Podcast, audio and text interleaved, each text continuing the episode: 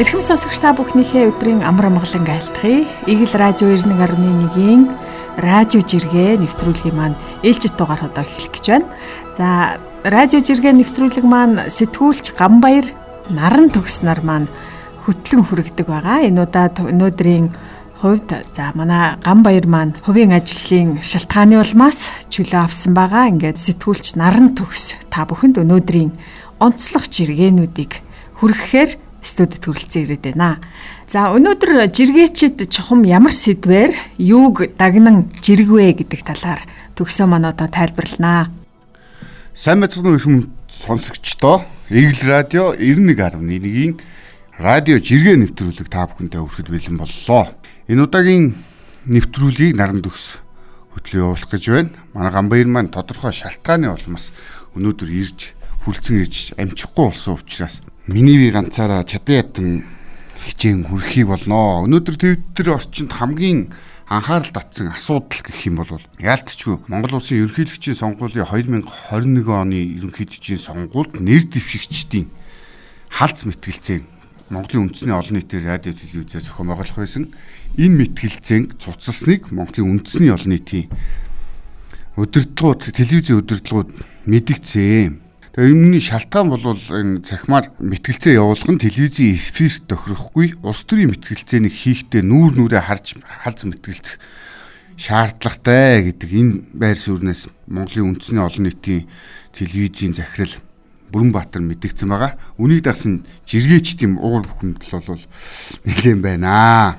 Сонирхол ерөн ерөнхийлөгчийн сонгуульд үеийн үед болж исэн ерөнхийлөгчийн сонгуулийн хамгийн чухал хэн хинбэ гэдгийг харуулдаг сонголтоо хийж амжаагүй байгаа хүмүүст нь сонголтоо хийхэд нь тус болдог. Дээр нь яг нэр дэвшигч байгаа хүмүүсийн маань өөрийгөө бас тодорхой дутууд үлмэг тайлбарлсан мөрийн хөтөлбөрөөр танилцуулах үзэл бодлоо иргэдтэй нээх ийм боломжийг олгож идэг гэдгээр бол онцлог. Тиймээс ч ялтчгүй монголчуудын нийт сонгогчдын бол хүсэн хүлээж исэн энэ халз мэтгэлцэн бол цуцлагдлаа. Тэгээ үүнийг бол жиргээчд янз янзаар тайлбарлаж байна. Зарим хэсэг нь бол Монгол ардын намын зүгээс бол ширгэнсэн байна гэсэн үг аястай хэлж байгаа бол бусд нь бол эрх барьж байгаа намын талд үйлчлэх нь үндэсний олон нийтийн телевизийн өдөрлгүүдийн баг үүргийн ухааны жиргээчд онцолж байна. А тэгвэл энэ талаар хэдийгээр эерэг хариу гараад эмнэлэг твтсэж байгаа ч гэсэн электрон твслээс нэр дэвшиж байгаа хүн намаас нэр дэвшиж байгаа нэр дэвшигч инхбат өөрийнхөө байр суурийг илэрхийлжээ. Нийгмийн өөрчлөлт нийгмийг өөрчлөгч хамгийн хүчтэй зүйл бол шин үзэл санаа, шин мөрөөдөл гэдгээ. Үзэл санаа олон нийт төрөх цагт хүч болдгоо. Тийм шин үзэл санаа нийгмийг хамрах цагт ямар ч хүчтэй хуучин эрх мэдэл ганхдаг. Энэ бол хүний нийгмийн хөгжлийн хуулаа гэдэг ямар ч хэлбэрээр би бол алз мэтгэлцээнд ороход бэлэн байна гэдэг байр суурийг илэрхийлсэн. Тийм учраас одоо бидний халз мэтгэлзээнгүй сонгуул анх удаага болж байна. Дээр нь өмнө Гамбаяр Битүр маань нэвтрүүлгэндээ дурж исэн. Энэ удаагийн одоогийн ерөнхийлөгч байгаа Алтмаагийн Баттулга бол сонгогчдоор дүнгээ тавилаагүй цорын ганц ерөнхийлөгч боллоо гэж ерөнхийлөгч ерөнхийлөгчийн хуваар Баттулга бол хамгийн сүүлд одоо ерөнхийлөгчийн хуваар ярьж байгаа дэлгэрэнгүй ярилцлага сэтгүүлч мөнх баясгаланд өгснийг амралтын өдрүүдэд нэлээд жирэглээ. Энэ удаагийн жиргээчдийн байр суурь бол ерөнхийлөгчийн тэн рүү дайрсангүй гол нь хийж байгаа ажлаа харууллаа эвтэх ярилцах боллоо гэсэн байр сууриас хандаж байна.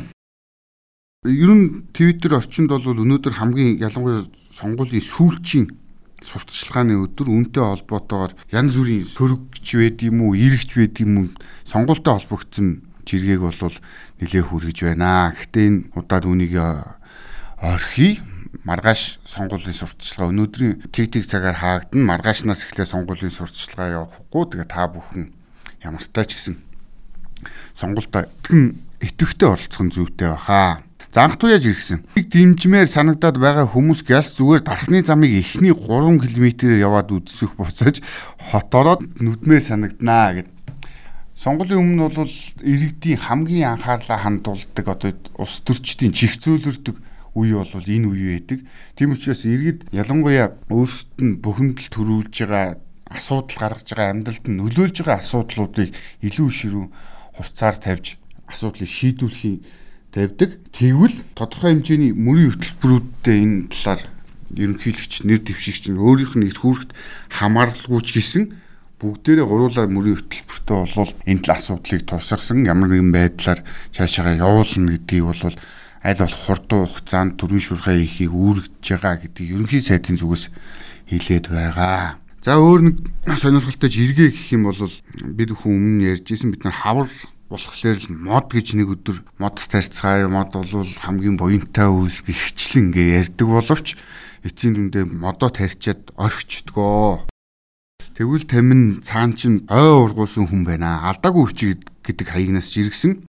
Аав юм нь 20 жилийн цагаа зарцуулж тарьж ургуулсан ой юу ч ургахаа болсон нүцгэн илсэн дээр шүү дээ гэд.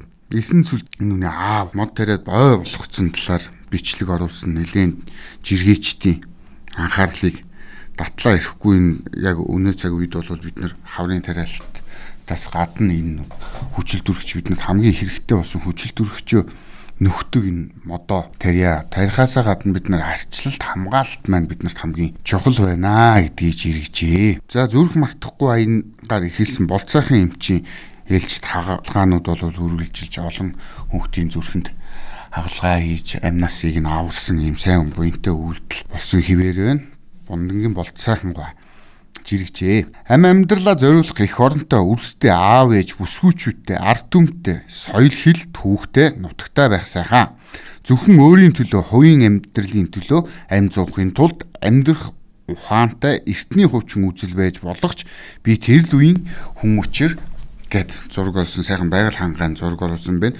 Энэ өдрүүд бол цаг уурч тийм хилж байгаагаар бол ойрын энэ 7 хоногийн эхний өдрүүдэд бол нэлээд сэрвтер өдрүүд байх нь. Гэхдээ 7 хоногийн сүүлээр дулаарнаа гэсэн ийм мэдээлэлтэй байна. За Өөр нэгэн онцлог жиргээ их юм бол өнөөдөр энэ ихэмч пүрвсүрэн гэдэг хаягнаас жиргсэн Титаникийн ослолтой холбогдуулаад жишж жиргсэн жиргээг та бүхэндээ хүргэе гэж удаад ширээд авдирлээ. Анди үгсэн бэ гэхлээр Титаник живхэд хөлөг онгоцонд саятан жолоож 4-р Жон Ябог Астер сууж явжээ. Түүний бэлэн мөнгө 30 Титаник бүтээхэд хангалттай байв. Гэсэн ч аюул нүүрлэхэд тэрээр хоёр хүүхдэд аврах завин дээр байрлалаа өгчээ. Титаник хөлөг сууж байсан Америкийн хамгийн том масуу дэлгүүрийн сүлжээг эзэмшигч Исидор Старус би хизээч төрүүлж авирах завинд суухгүй гэжээ. Түүний эхнэр нь мөн завинд суухаас татгалзаж зарц ээлэн бэрдэд зам тавьж өгсөн байна. Тэрээр амьдралынхаа сүүлчийн минутыг нөхөртөөгөө хамт өнгөрөөнө гэж шийджээ. Тухайн үеийн чинэлэг хүмүүс өндөр ёс суртахуунтай амьдралын үнэт зүйлс хүмүүнлэг байдал нэр төрөө эрхэмл сонголттой байлаа.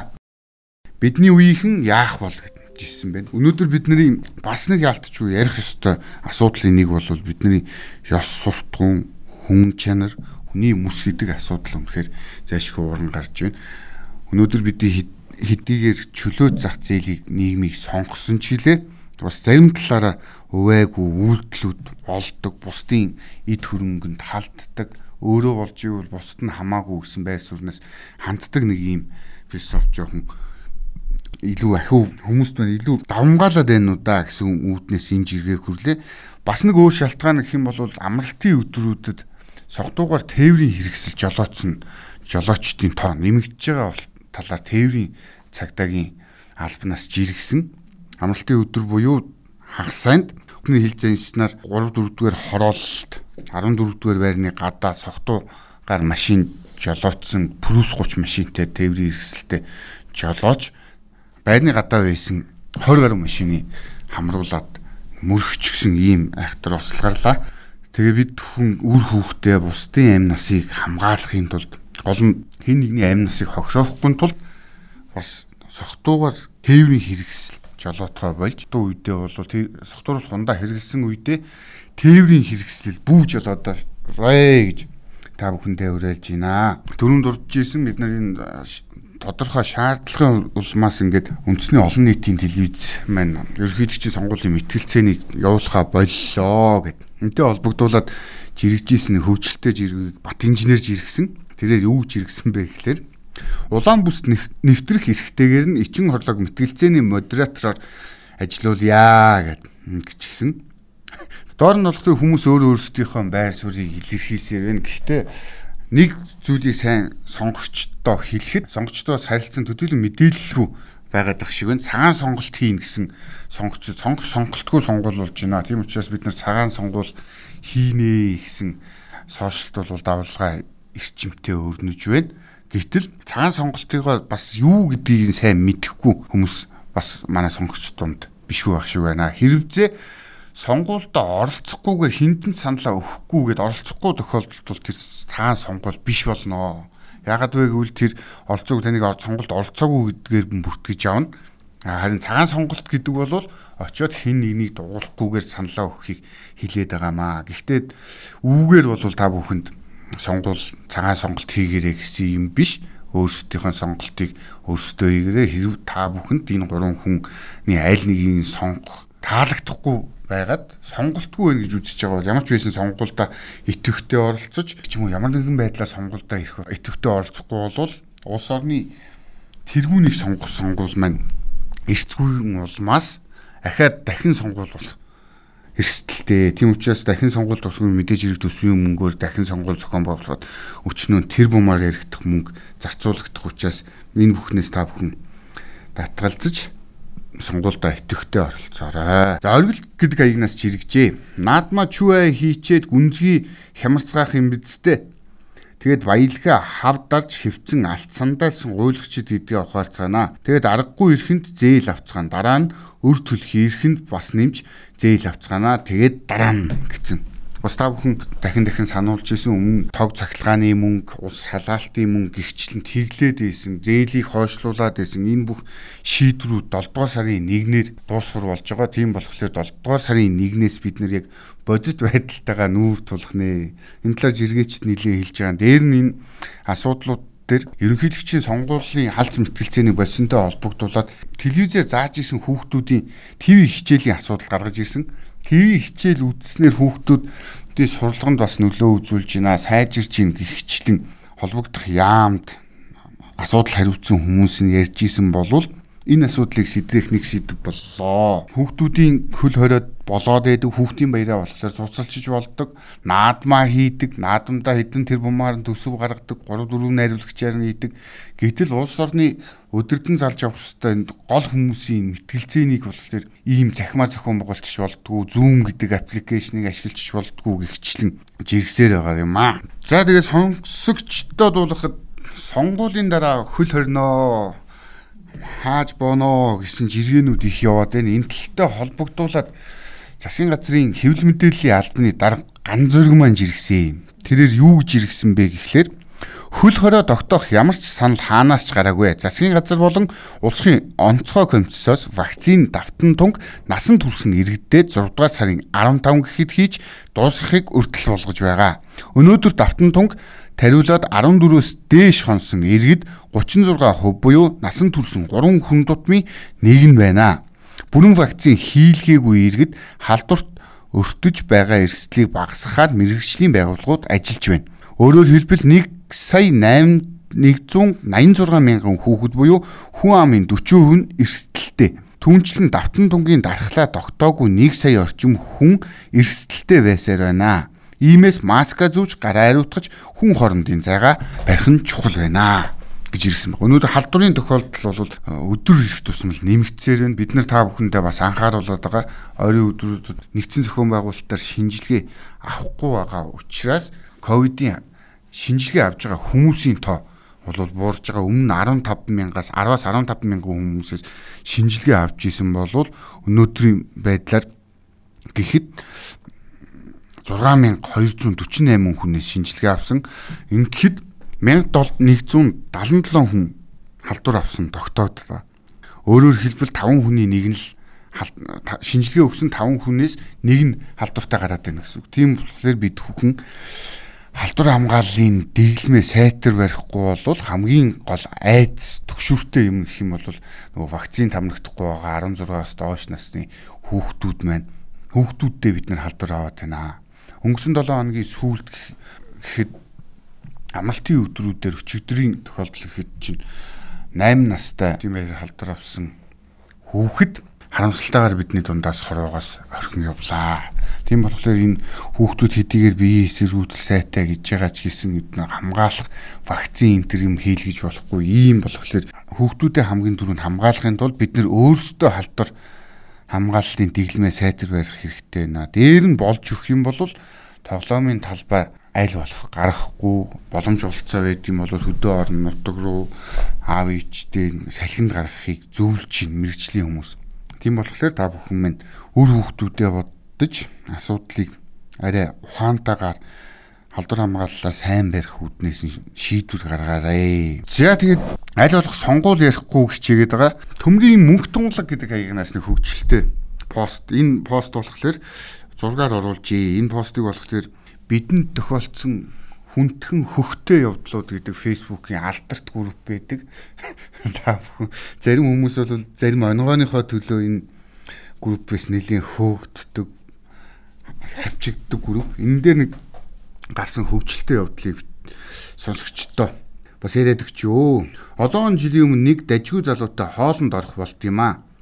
Одоо санахад болцоо гихч нь байсан юм шиг байна лээ дээ. Дөнгөж сурвалжлагч болцсон нас зүс залуухан сэргэлэн цаваа сингл охин байсныг хичээлгүй нэг дажгүй залуу эргүүлээд салдгүй. Тэр үед чинь хагасаа өдөр улс нийтээрээ ажилдаг байсан. Бямб гарагт хагас ажиллаад эрт тардаг 5 цагийн үед уулзгаар тогтоод гяс хараад усанд ороод ер нь яагаад усанд орсноо одоо бодоход гайхтیں۔ Надад ихчийн ганган дуу гутал хувцснаас өмсөөд л гарлаа. Хүрээд ир гэж ярьсан газарт нь таксигаар яваад очтод нэх олон шаттай байшингийн гадаа өнөө залуу чинь хүлээгээ зогсож байна. Таксинаас буумагт гараа сунгаал намайг намайг хөдлөөл нөгөө өндөр шатаар хамт өгсөөл би одоо гүнж юм уу хатан юм уу язгууртан кино юм уу хуримч юм уу? Элдвийн төсөөл давтаад би хамаг бие байцсан. Тэгсэн чинь хаалгаар яг орхын наан би хальт гიშгээр гутлын өсгийн хуг болцсон эгчийн гутал жог болцсон. Миний царай гөлөг болцсон. Залуугийн нүр чавг болцсон. Миний пиано шиг хөл ихчийн синдрелла шиг гутал дотор дэлб гişгээд хамаг төсөөл будаа. Хамгийн нь тэр залуугаас би огт ичихгүй. Хараад игчид алууланда баларсан яана гэд би айгаастай. За за за чи харихуудаа гэд нөгөө залууд чинь намайг шууд жигээд наасан өсвийгүй төвлөн дээр дээрээ диагнознаар буцаж үлээ. Тэр залуу дахиж яриаггүй гиснээс тэр залуугийн нэр нь ер орж ирдэггүй шүү дээ. Тэр муу угаасаа худ бой байсан юм а. Игчийн дүүпэл илчилж өгсөн юм байлээ ихгүй юу. Ха ха гэсэн байна. За тэгээ та бүхэн наран төгс ганцаараа чаддаг ядн радио жиргийг хүрхийг хичээлээ. Та бүхэнд ажлын амжилт хүсье. Амралтын өдрүүдэд сайхан өнгөрүүлээрэ маргааш ажлын өдөр ч гэсэн нөгөөдөр сонгуулийн өдөр юу бас давхар амралтын өдөр байгаа. Тийм болохоор сонгуульдаа идэвхтэй оролцож амралтаа сайхан өнгөрүүлээрэ. Халиар жууцаа гарцсан байна. Хамгийн сайхан хоол хийж болох өдрүүд энд бас тохиож хийж мэднэ. Тийм болохоор та бүхэн их хүмүүст сонгогчд минь сонгуульдаа идэвхтэй оролцоорой гэдэг дараагийн жиргээр уулзцаая. está